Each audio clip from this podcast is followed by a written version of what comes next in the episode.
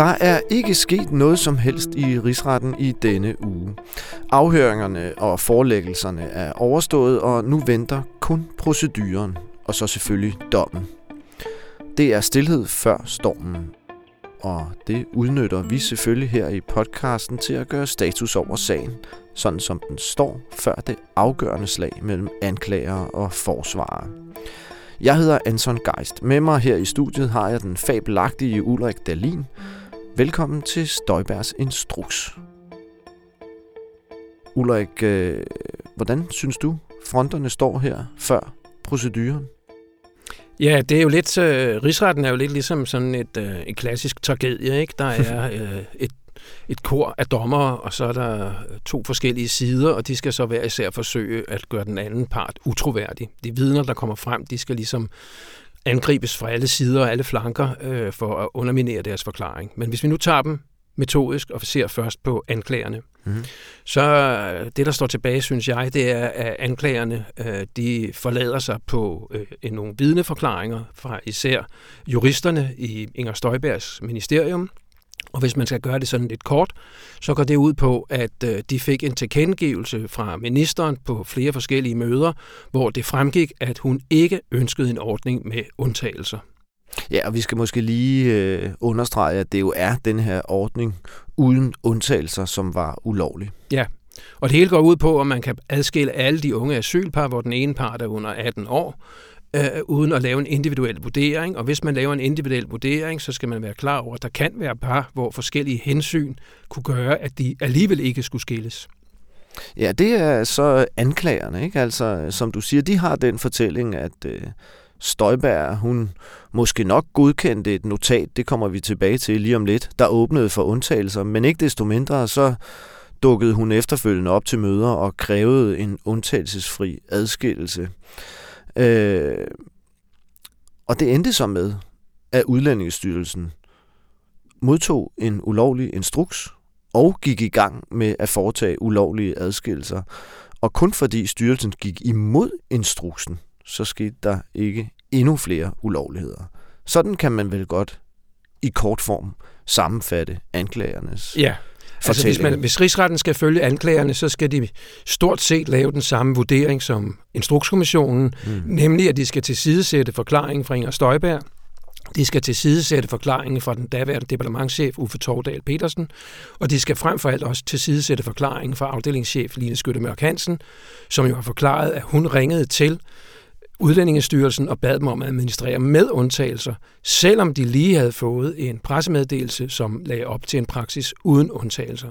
Ja, det er jo to vidner, som begge støtter Inger Støjberg, altså departementchefen og afdelingschef Line Skytte Mørk Hansen.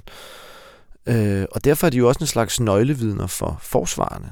Fordi forsvarernes fortælling er jo, at det her notat det er helt anderledes vigtigt end anklagerne mener. Øh, de siger, at det er helt centralt, at ministeren hun godkendte en ordning med undtagelser øh, med sin godkendelse af det her notat. Øh, og hvis embedsmændene de efterfølgende gjorde noget andet, så var det embedsmændenes skyld, og ikke ministerens, for hun havde jo nu engang godkendt denne her ordning med undtagelser. Og på den baggrund kan man vel godt forvente, tænker jeg, at øh, forsvarerne kommer til at tale rigtig meget om notatet i deres procedurer, og at øh, anklagerne kommer til at tale rigtig meget om de vidner i ministeriet, som siger, at notatet ikke spillede nogen rolle i deres procedurer. Jo, altså allerede da René Offersen, øh, den ene af Inger Støjbergs to forsvar, to ordet første gang, så var det jo sådan en meget frisk stil, han lagde op til, at alle retssager afgøres i realiteten af ganske få bilag øh, og man ligesom kunne koge det ned til nogle få nøglespørgsmål. Og det er helt sikkert, at det her ministernotat, som de kalder det, at det vil være et af deres absolute vigtigste kort. Skal vi lige hurtigt øh, forklare lidt om ministernotatet? Det tror jeg vil være en god idé til nye lyttere. Altså, Øh, det her ministernotat, det er, er noget, der blev øh, i første omgang øh, forfattet i Udlændingsstyrelsen, hvor Udlændingsstyrelsen efter Inger Støjberg havde annonceret, at hun ønskede en adskillelse af asylpar, hvor den ene part var under 18 år, beskrev deres hidtidige praksis på området. Så røg det over i departementet, altså ministeriet, og der var det kontorchef Jesper Gori, en af juristerne, øh, der gik i gang med at skrive en mere juridisk del ind. Og han skrev så en indstilling ind, øh, som åbnede for undtagelser, når man skulle til at adskille asylparerne, sådan som Inger Støjberg ønskede sig. Og fra ham, der blev øh, notatet så sendt videre op i hierarkiet i ministeriet. Øh, der var det, der hed en dobbeltgodkendelse af to forskellige afdelinger, den juridiske afdeling og sådan mere økonomisk afdeling, øh, og i begge afdelinger, der godkendte afdelingschefen, øh, og så godkendte departementchefen, og så kom det altså op til Inger Støjberg, og hun godkendte også det her notat. Det gjorde hun den 9. februar 2016. Og det vil altså sige, at Inger Støjberg godkendte et notat, der åbnede for at gøre undtagelser. Og det er selvfølgelig klart, at øh, det er noget, som hendes forsvar lægger rigtig, rigtig meget vægt på. Der er jo så den særlige omstændighed ved det her notat, at Inger Støjberg, hun aldrig nævnte det i alle de år, hvor hun skulle forklare sig om den her sag, indtil hun dukkede op i Instrukskommissionen. Ja, der er jo ikke, det fremgår ikke af de der forklaringer til ombudsmanden. Det er ikke øh, nævnt overhovedet i nogle af de øh, mange svar til Folketinget, som har stillet 250 spørgsmål. Ikke nødvendigvis om det her, men om forløbet. Og derfor så var det virkelig en overraskelse for mange i Instrukskommissionen, da det her notat kom frem. Ja, hun var jo også til mange samråd i Folketinget, hvor ja. hun jo ved at sige... Øh, brugte, hvad hun kunne af mulige forklaringer for at sige, at det ikke var hendes skyld, at det var gået, som det gik. Øh, og alligevel nævnte hun ikke noget om det her notat. Og som vi tidligere har været inde på i øh, den her podcast, så skriver Instrukskommissionen et sted ret langt inde i sin beretning, at, øh, at notatet ikke rigtig ses at have været fremhævet, før at øh, kommissionen havde sendt det ud som materiale til bisiderne, samt en oplysning om, at øh, notatet var godkendt. Og det øh, har vi to i hvert fald læst lidt som en antydning fra kommissionens side om, at, øh, at det måske i virkeligheden ikke var noget, Inger Støjberg rigtig var så bevidst, hvad det var, hun havde godkendt der, men så fik hun det ud fra kommissionen i materialesamlingen, og så blev de opmærksom på, at her var måske en god forklaring. Sådan kunne man læse den øh, passage fra kommissionen. Og så sagde hun jo i Instrukskommissionen, og hun sagde det for så vidt også i rigsretten, at det var helt, helt centralt. Og ja. når hun så bliver spurgt om, jamen, hvorfor er det ikke nævnt tidligere, så siger hun, det er fordi, at øh, hun gik bare ud fra, at det var sådan. Hun har ikke lige hæftet sig ved, om det var nævnt det ene sted eller det andet sted. Ikke? Men man kan godt undre sig over, som du siger, at det for eksempel ikke fremgår af den lange redegørelse, der er sendt til ombudsmanden om hele forløbet, som Inger Støjberg jo i en anden sammenhæng har sagt, at det står hun jo inde for ord for ord. Mm. Altså der er hendes forklaring så, hvis vi lige skal tage den øh, i al fairness, at det var noget embedsmændene udfærdigede, og hun ligesom havde øh, sådan en tradition øh, med øh, ikke at blande sig i, hvad embedsmændene skrev til øh, ombudsmanden. Det, det, der synes hun ligesom, der skulle være en eller anden form for armslængde. Så embedsmændene skrev den, og hun godkendte den. Til det kan man vel sige, at når hun godkender den, vil det vel være naturligt lige at øh, fremhæve noget, man mener er fuldstændig centralt for sagen, om, hvis man ser, at det ikke er til stede i teksten. Men det er altså hendes forklaring på, hvorfor det ikke er blevet forklaret til ombudsmanden. Og jeg synes, forstår du ikke også, Ulla hendes forklaring i forhold til det med Folketinget? For det er jo på en måde endnu mere mærkeligt. Det er hende selv, der skal forklares over for Folketinget. Og hvis hun selv synes, at notatet er så centralt, hvorfor så ikke nævne det? Der forstår jeg hende lidt sådan, at hun siger, at for hende var det så fuldstændig... Øh, grundlæggende for sagen, at hun nærmest opfattede det som sådan en implicit præmis, eller sådan en uudtalt præmis, som hun slet ikke øh, måske tænkte over i talesæt. Er det ikke, kan man ikke oversætte jo, jo, lidt på den og måde? det ligger jo også i forlængelse af den måde, som uh, departementchefen Uffe Tordal Petersen har valgt at forklare sig på. Ikke? Han har sagt sådan noget med, at det stod fuldstændig klart på hans lystavle, at det notat var gældende. Ja. Men hvorfor det så ikke rigtig er blevet omtalt osv., det har han så ikke rigtig nogen forklaring på. Nej. Altså, der kørte lidt i firkanter for ham, ikke? Det kan han ikke lige forklare, ikke? Nej. Men han er ikke i tvivl om, siger han i sin forklaring, ikke? At notatet var det, der lå til grund for sagsbehandlingen. Mm. Og det jo strider jo altså mod, hvad embedsfolkene i Udlændingsstyrelsen forklarer, at de har fået at vide fra ministeriet. Det må man sige. Det strider også imod den øh, pressemeddelelse, som blev udsendt den 10. februar om eftermiddagen, hvor Inger Støjberg jo selv det har hun forklaret flere gange, strøg øh, nogle sætninger, som åbnede for, at der kunne være undtagelser. Det må man sige. Og på den måde kan man jo sige, at man vel kan koge Inger Støjbergs forklaring ned til, at jo, indad til, der havde vi i sinde at gøre undtagelser, øh, men vi vil samtidig bilde offentligheden noget andet ind. Altså sådan siger hun det selvfølgelig ikke, men, men det er jo lidt den logiske følge. Altså hvis man siger, at man er klar til at gøre undtagelser, og man skriver en pressemeddelelse ud til offentligheden, at der vil ikke blive gjort undtagelser, undtagelser er udelukket, så er det jo vildledning af offentligheden, men man kan sige, at det er hun bare ikke tiltalt for. Øh, hverken, øh, eller selvfølgelig er hun ikke tiltalt for vildledning af offentligheden, men hun er heller ikke tiltalt for vildledning af Folketinget. Nej, det er jo sådan en lidt underlig ting, fordi det, øh, som vi, jeg tror også, vi har været inde på det før, det ønskede Folketinget jo sådan set. Ikke at hun skulle tiltales for det, men at øh, hendes urigtige og misvisende oplysninger til Folketinget skulle indgå som en skærpende omstændighed. Det vil sige, hvis hun blev fundet skyldig i at være ansvarlig for denne her ulovlige ordning, så kunne øh, de urigtige og misvisende oplysninger, de kunne bidrage til, at straffen blev hårdere. Men der må man sige, at der begik Folketinget, og ikke mindst de anklager, som Folketinget udpegede, en slem fejl. For selvfølgelig kom rigsretten med en kendelse, som lød, at man ikke på den ene side kunne lade være med at tiltale hende for vildledning eller forkerte oplysninger til Folketinget, og på den anden side ville lade det være en skærpende omstændighed. For så har det jo slet ikke været et øh, bevistema i sagen. Det er rigtigt, og det blev der sagt, sådan set gjort opmærksom på undervejs i forløbet, altså inden de traf denne her beslutning, fordi øh, professor emeritus øh, Jørgen Vestergaard fra Københavns Universitet, han gjorde opmærksom på en kendelse, som rigsretten i sin tid mod øh, Erik Nien Hansen havde afsagt om akkurat en tilsvarende problemstilling, og det er for så vidt ikke, sådan som jeg har forstået det, det er ikke noget øh, særlig raketvidenskab. Hvis ikke at man fører bevis for en eller anden påstand, så kan den heller ikke tjene som en strafskærpende omstændighed. Det virker rimelig indlysende, ikke? Og der må vi sige, der kom øh, anklageren lidt, lidt dårligt fra start. Hvis vi skal til, se tilbage, Ulrik, øh, nu når vi gør lidt status på selve vidneudsagene i rigsretten, så er der jo ikke så meget, der har ændret sig i forhold til Instrukskommissionen. Med visse undtagelser, som vi også kommer til at komme tilbage til i nogle af de næste podcasts, så siger vidnerne nogenlunde det samme, som de hele tiden har gjort, eller som de i hvert fald gjorde i Instrukskommissionen. Det mest opsigtsvækkende nye, det er i virkeligheden to nye beviser, der er blevet fremlagt i rigsretten. For det første er der det her tidligere ukendte tv-klip, som vi har talt om et par gange. Og og så er der logfilen, som vi også talte om i sidste episode af podcasten her. Lad os lige hurtigt øh, vende de to ting også. Ja, altså tv-klippet er tilbage fra maj 2017, hvor øh, Dagbladet Politikken har skrevet en artikel, øh, den første af flere, øh, hvor i de begynder at pille ved den forklaring, som ministeriet er kommet med til ombudsmanden.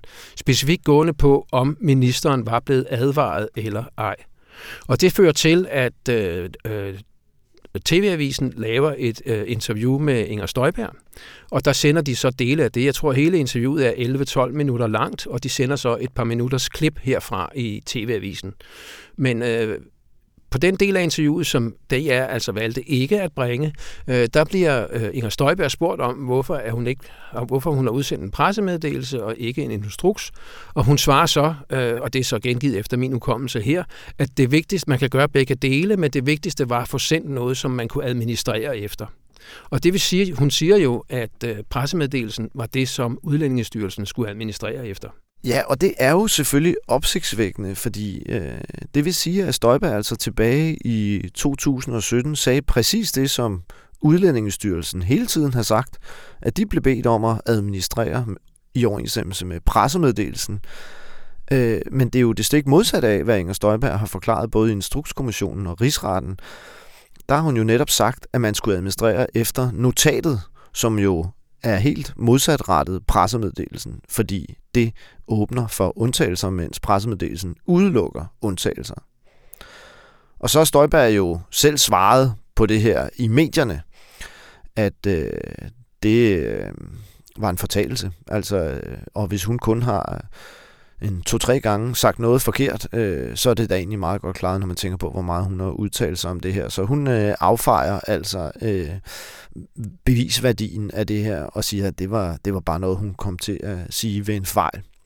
Øh, men ikke desto mindre har anklagerne altså fremlagt det øh, tv-klip som et nyt bevis i sagen. Det var det ene. Det andet nye bevis, som vi synes er ret interessant, det er nogle logfiler fra Udlænding- og Integrationsministeriets elektroniske sagsbehandlingssystem F2, der viser noget om øh, de forskellige embedsmænds sådan, tilgang til det her notat.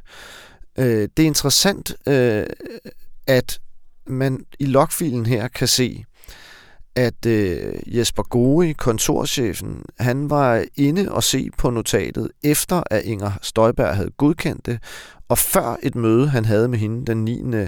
februar 2016 kl. 15.30, hvor han har forklaret, at Inger Støjberg afviste den ordning, som var skitseret i notatet, og sagde, at hun ville have adskilt alle parerne. Han er blevet spurgt, hvordan han bare kunne antage, at det betød, at notatet ikke længere galt, fordi han vel vidste, at notatet var godkendt, og så har han sagt, at det vidste han ikke. Han var ikke klar over, at notatet var godkendt. Og der har de her øh, logfiler altså vist, at han faktisk har været inde i notatet efter ministerens godkendelse, og det er umiddelbart, øh, men jo ikke helt sikkert, vanskeligt at forestille sig, at han skulle have været inde i notatet, uden at bemærke, at det var godkendt af ministeren. Altså det, som er øh, hans forklaring, det er jo, at det der møde 15.30 den 10 undskyld, den 9. februar, at det er et møde om ordningen, at der skal de finde ud af, hvad ministeren mener. Og så er det klart, at hvis han skal fastholde den forklaring, så kan han jo ikke også altså kombinere det med, at han sådan set hvad hedder det, på forhånd ved, hvad ministeren mener, nemlig at hun skulle have, godkendt et notat, der åbnede for undtagelser. Nej, og samtidig har hans forklaring jo også været, at ligegyldigt om han havde været opmærksom på hendes godkendelse eller ej, så måtte han jo agere efter, at hun ved det her møde sad og sagde noget andet, der synes hvad jeg også, hun lige havde, end hvad, enig, end hvad hun lige havde skrevet i notatet. Fordi der skal man jo forstå, at sådan et notat er jo et arbejdsredskab, øh, som man bruger til at finde ud af nogenlunde, hvad mener ministeren. Og hvis ministeren så efterfølgende siger noget andet, så vil det typisk være det, man går ved, med. Det vil jo være sådan logikken i embedsværket. Øh, så det giver jo sådan set meget god mening. Hans problem er så bare lidt, at øh, han nu engang har forklaret, at han ikke var opmærksom på hendes godkendelse, og nogenlunde det samme har hans chef, afdelingschefen Lykke Sørensen, forklaret. Og man kan også se, at hun øh, nogenlunde samtidig øh, var inde og se notatet efter ministerens godkendelse. Øh, og det er jo to øh, ret væsentlige øh, stykker bevis, vil jeg sige. TV-klippet og denne her logfil. Og så er der det lidt mærkelige ved de to beviser, at man tænker umiddelbart, det vil være relevant at afhøre henholdsvis Inger Støjberg og Jesper Gori og Lykke Sørensen om det, men det er ikke sket. Nej, det er ikke sket, og det kan, der, det kan man gisne om, hvorfor det ikke er sket. Altså, der er jo ingen tvivl om, at det vil blive brugt i procedurerne af henholdsvis anklagerne og forsvarerne.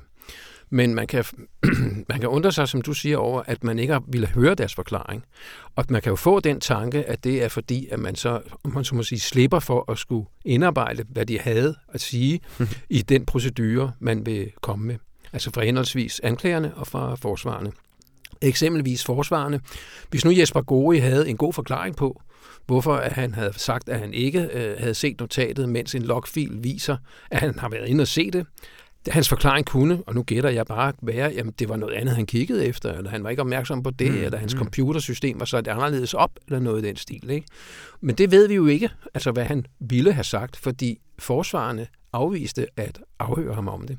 Man kan så undre sig over, at øh, anklagerne så ikke sagde, vi har forresten lige et par spørgsmål. Det synes jeg også er meget mærkeligt. Jeg kan mm, meget vel forstå forsvarerne.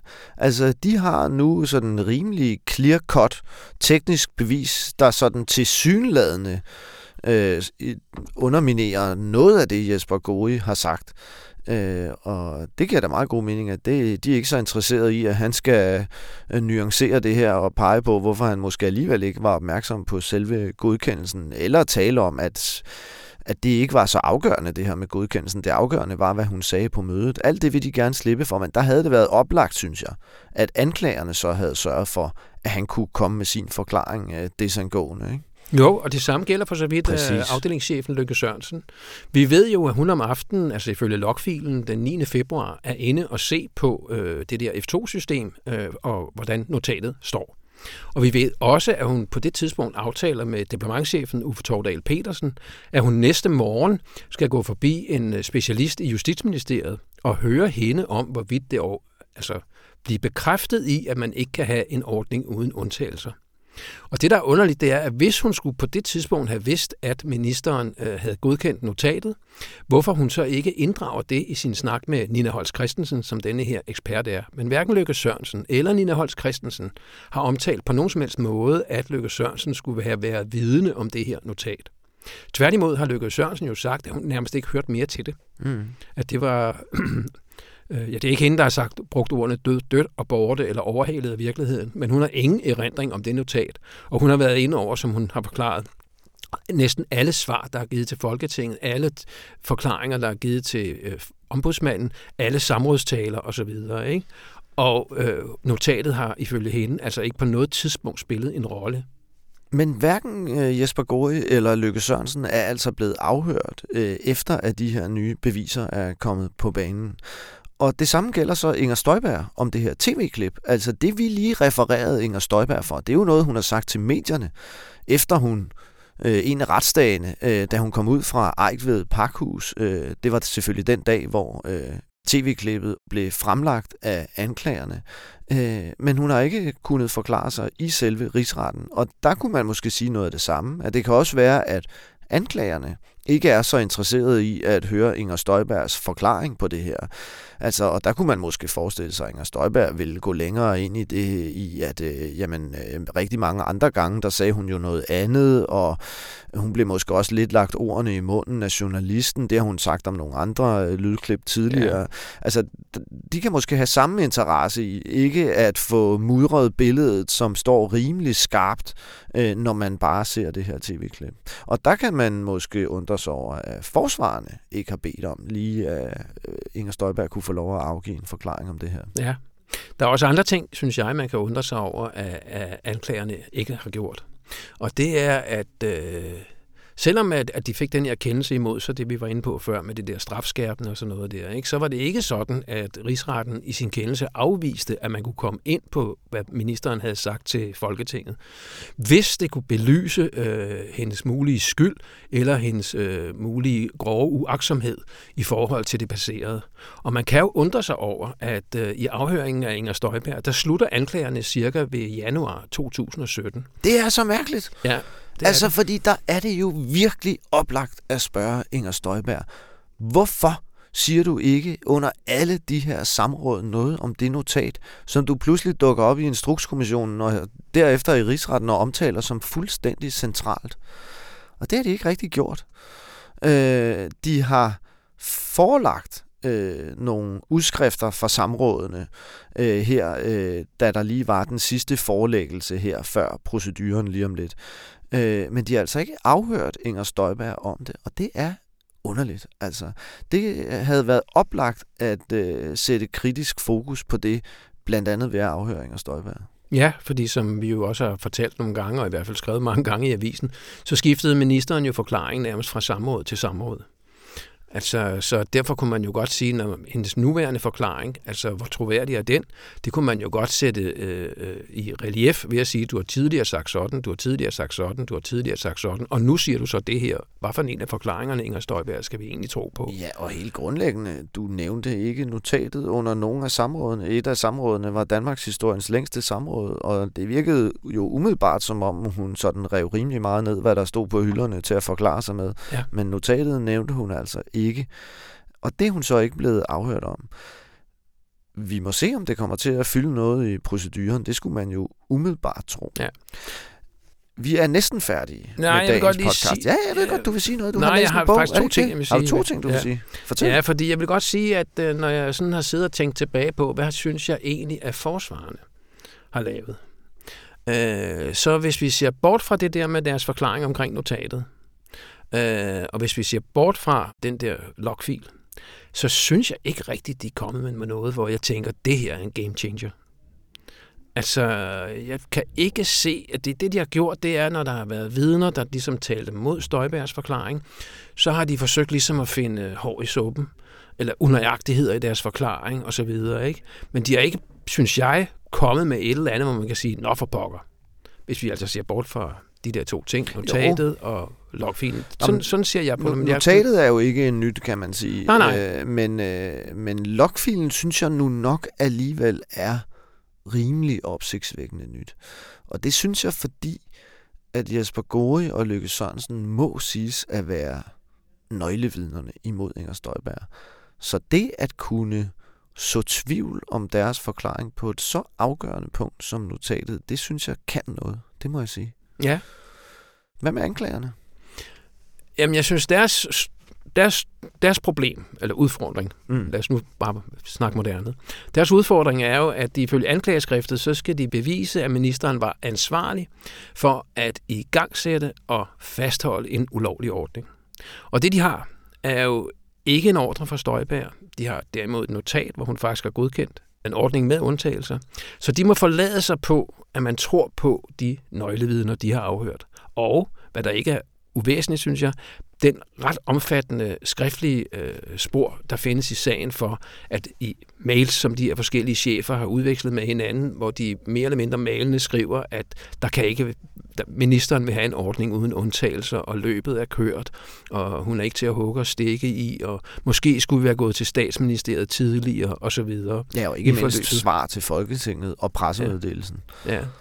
Men der er jo den forskel til Tamilsagen, at de her nøglevidner, de siger ikke direkte, at Inger Støjberg, hun bad dem Nej. sikre, at der blev øh, adskilt undtagelsesfri nede i udlændingsstyrelsen. Altså det er ikke som da Schütz i Tamilsagen sagde, at øh, Erik Nien Hansen, han sagde, nu sætter I de her familiesammenføringer i bero selvom han blev mødt af protester om, at det ville være ulovligt, så insisterede han på det. Sådan er det jo ikke. Nøglevidnerne er ikke lige så klare Nej, men man i deres kan... beskrivelse af øh, instruksen fra ministeren, som de var i Tamilsagen. Det er et mere mudret billede. Det er et mere mudret billede, det vil jeg medgive. Men jeg synes også, at det hører med i det mudrede billede, at der er heller ikke nogen af dem, der har sagt, at de har positivt hørt ministeren sige, ja, vi skal have en ordning med undtagelser. Nej. Så det er jo afhængigt af, hvem rigsretten øh, vil vælge at tro på, hvis vidneforklaringer de vil tillægge vægt, så falder det enten til den ene side eller til den anden side. Ja. Og nu kan jeg være fristet til at spørge, hvad tror du, hvis vi skulle våge et øje? Ja, uh, jeg synes, det er svært. Altså, jeg har jo sagt længe, Ulrik, at, øh, at jeg kunne godt forestille mig, at man endte med at dømme Inger Støjberg for grov uaksomhed. Øh, hun kan både blive dømt for, at hun med forskellige grader af forsæt altså øh, var skyldig i den her ulovlige administration i Udlændingestyrelsen. At hun altså enten simpelthen ville have det, eller at hun ligesom burde have været opmærksom på, at det kunne ske. Øh, men man kan også dømme hende øh, for øh, sådan grov uaksomhed. Øh, og der kunne jeg godt forestille mig, at man ville sige, det er uklart med forsættet her har hun haft forsæt eller ej. Men det er ikke i overensstemmelse med, hvad man kan forvente af en forvaltningschef, at hun udsender sådan en pressemeddelelse, som hun gør, svarer Folketinget, som hun gør. På intet tidspunkt sikrer sig, at administrationen faktisk er med undtagelser, når hun så mange gange har talt om, at hun ønskede sig en administration uden undtagelser. Men jeg er bestemt også åben for, at hun kan både blive frifundet og dømt med forsæt. Jeg synes, det er meget, meget svært at forudse. Men hvad med dig selv, Ulrik? Jamen, jeg har jo, synes jeg, også længe talt for den der grov uaksomhedsmulighed, ikke? Det var mig, der talte om den først. Ja, det kan godt være. Øh, øh, altså, det, det interessante i den forsammenhæng er, at øh, der er ingen af de tidligere rigsretter, øh, som har dømt for grov uaksomhed. Nej. Så det er i givet fald nyt juridisk land, der skal betrædes af de her 26 dommere. Øh, og det kan blive interessant at se, synes jeg, at hvis det er der, man ender, hvor hård straffen så bliver. Ikke hård. Hvad siger du? Ikke hård, tror jeg. Det er jo den Nej, laveste jeg tror ikke, hun bliver sendt til galejerne eller saltminerne. Det tror jeg, jeg sådan set ikke. Det er noget med nogle dagbøder eller noget i den dur. Jo, formentlig. Ja. Men ja, man skal jo lige have med, at det er jo ikke, altså, hun er så ikke halv skyldig. Altså, en, hvis hun bliver dømt for grov uaksomhed, så er hun helt skyldig. Altså, jo, det er ikke, det er du klart. snakker om det der med, at der er forskellige grader af det der forsæt gående fra, altså, en, at man bevidst ønsker noget forkert ske, til at man er uopmærksom på, om det muligvis kunne ske som følge af de handlinger, man har gjort, skråstreg ikke har gjort. Mm. Så er det jo ikke sådan, at det er straffritagende. Altså, nej, nej, nej, nej, nej. altså- Men man kan jo godt tale om, altså... øh, Hvor slemt det er. Ja, det kan man godt. Ja. Og der må man sige, det vil være den mindst slemme måde at blive dømt på. Øh, vi skal til at afslutte, men Ulrik, du har læst en bog Ja, øh, om rigsretten som Ja, det er, det er sådan set en meget, det er en debatbog, det skal jeg Ja. skynde mig at sige. Ja. Øh, så det er ikke øh, øh, på nogen måde en, en, lærebog. Det er en, der hedder, en advokat, der hedder Leif Donbæk Thomsen, og han var oprindeligt udpeget af SF til at være en del af rigsretten, altså en af lægedommerne i rigsretten. Øh, og det havde han så forberedt sig på og læst om rigsretten og så videre, så videre. Men så skete der det, at to af højesteretsdommerne, at de øh, forklarede sig inhabile.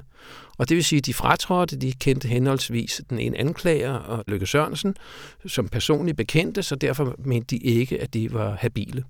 Og så reducerede man antallet af højesteretsdommer, og for at der skal være ligevægt mellem højesteretsdommer og lægedommer, ja, så måtte Leif Donbæk Thomsen altså vige sæde. Øh, og det blev han på en eller anden måde så skuffet over. Så han sagde, hvad med al den viden, jeg nu har om Ja. rigsretten? Og det har så gjort, at han har skrevet en debatbog. Det var da fint, var? Ja, altså jeg synes ikke, at den er, altså den er hurtigt skrevet, det kan man se, og det Nå kan ja. man især se på, at der er en hel del korrekturfejl og, og slåfejl og sådan noget der, ikke? Øh, og det er jo sådan noget, der i hvert fald for sådan en per, per 19 mand som mig, altså det, det larmer på siderne, ikke? Men, men det, der egentlig er meget interessant, det er, at, øh, og det var jeg måske ikke så meget klar over, øh, at øh, der er en lang række lande, som ikke har en rigsret, og der er lande, som har haft en rigsret, som nu har afskaffet det. Og det vil sige, Danmark og Norge og også USA, øh, de har rigsretter. Ikke? For USA kender vi jo de her øh, impeachment-sager, der har været. Ikke? Øh, Norge øh, øh, har ikke haft en rigsretssag i 100 år. Øh, og spørgsmålet er så, var det på tide, at man i Danmark også gentænkte øh, spørgsmålet om rigsretten? Mm. Og der er mange problemer, der melder sig, og et af dem er selvfølgelig, at rigsretten er hjemlet i grundloven. Og det hænger sammen med, at da man i 1849 får øh, junigrundloven, øh, der er det jo også et opgør med enevælden, og derfor så skal der være en mulighed for, at statsmagten kan gøres, altså drages til ansvar for sine handlinger. Det kunne kongen jo ikke rigtigt. Men det kommer der altså ind nu, og det er i høj grad en model, man importerer fra øh, Norge, som igen har importeret den fra England. Så det er altså en ret gammeldags ordning. Øh, men, men det betyder dybest set, ifølge Leif Donbæk Thomsen, at øh, hvis Folketinget mener, at der er behov for, at man kan trække blank, som man skriver over for en minister, som ikke vil stå ved, at vedkommende har gjort en fejl, så er det, at man bruger rigsretten. Mm. Og han har også en, en bemærkning til, som jeg synes også er interessant, øh, og det er, øh, og der henviser han til Tamilsagen øh, mod Erik Hansen, at i forhold til, hvor mange skandalesager, der har været, som er blevet afdækket af kommissioner osv., så, så er det i høj grad Tamilsagen, altså som blev ført som en rigsretssag, som har fået stor, stor betydning for, hvordan man har beskrevet embedsmændenes rolle. Øh, han mener så, at man skal bevare rigsretten, men man kunne godt moderere den eller modernisere den. Han foreslår for eksempel, at måske skulle der være færre højesteretsdommere og flere lægedommere.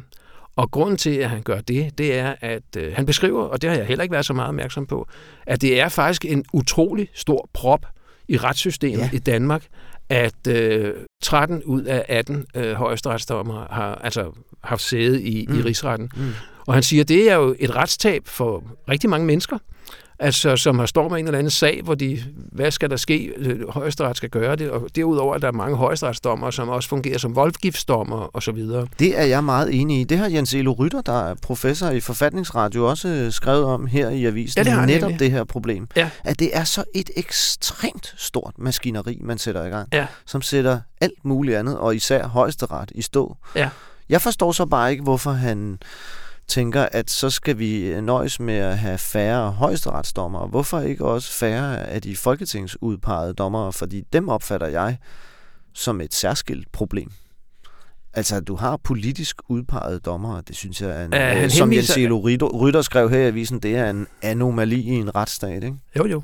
Øh, og, og, og det hænger selvfølgelig sammen med, at, øh, Man kan frygte, at en lægdommer, der er politisk udpeget, vil være tilbøjelig til at holde med sit parti, enten det så mener det ene eller det andet, mere end kun at se på, hvad der er blevet fremlagt i rigsretten. Og det er der jo mange, der mener var tilfældet i Tamilsagen, hvor der var et antal dommere, der stemte for frifindelse af Erik Nien Hansen, og det menes at være dommere fra øh, de borgerlige partier. Ja, der er jo det, at man, der, altså, der angives, hvor mange der har ment det ene og det andet, mm. men der angives ikke, hvem Nej, der nej, står bag ved Men det henholdsvis har det været ene. en, en ret klar vurdering. Ja.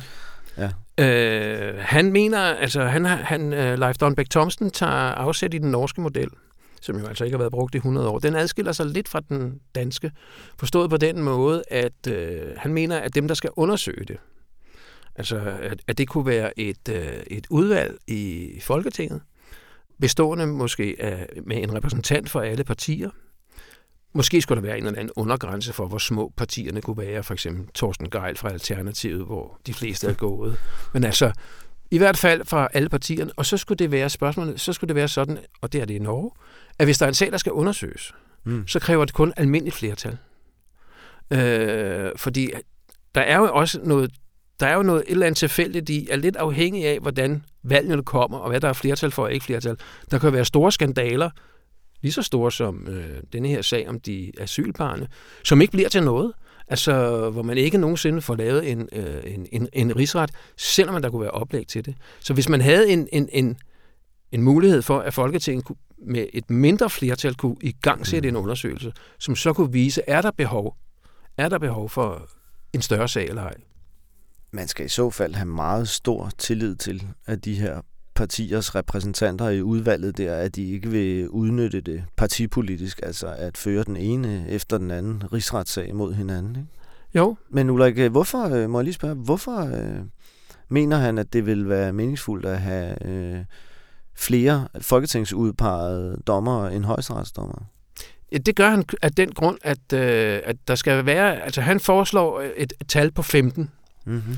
Øh, hvor at øh, måske syv kunne være højesteretsdommer, otte være... Okay, det er ikke øh, den store forskel. Ja, men det er jo alligevel noget andet, fordi i, man, man har jo en, der er jo lige mange i øjeblikket ja. her, ikke? Altså, jeg, vil, jeg må indrømme, jeg vil umiddelbart selv hælde til, øh, at det skulle være en mere øh, juridisk kompetent sammensætning. Ja. Jeg synes, det er noget underligt noget, at man har politisk udpegede dommere siddende der, og at deres stemme er lige så gyldig som højesteretsdommerne, fordi det er jo en meget, meget juridisk vurdering, de skal foretage. Ikke? Ja, Øh, men, men, men samtidig er man også nødt til at, at anerkende, øh, at det er jo en, en politisk proces, som så skal ses med juridiske briller.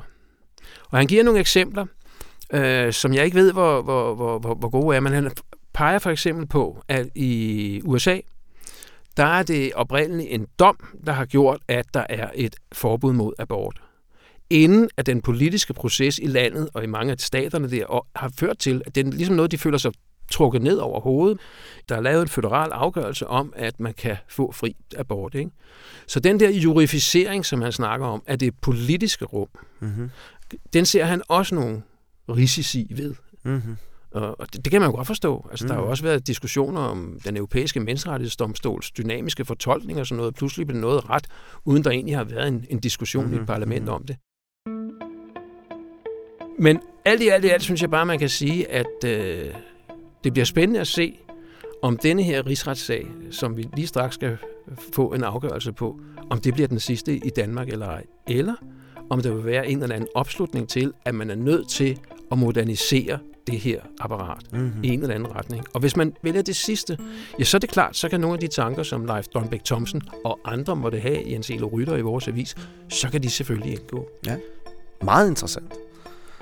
Og lad os gå ud på en lille boganmeldelse, sådan lidt fremmed fugl i den her have, men det er jo glimrende. Du lyttede til Støjbergs Instruks, hvor Ulrik Dalin og jeg selv, Anton Geist, hver uge diskuterer ugens begivenheder i rigsretssagen mod Inger Støjberg. Du kan finde os i din foretrukne podcastafspiller. Podcasten er klippet sammen af Anne Pilegaard. Rasmus Bo Sørensen er redaktør. Vi høres ved i næste uge, hvor det for alvor bliver spændende.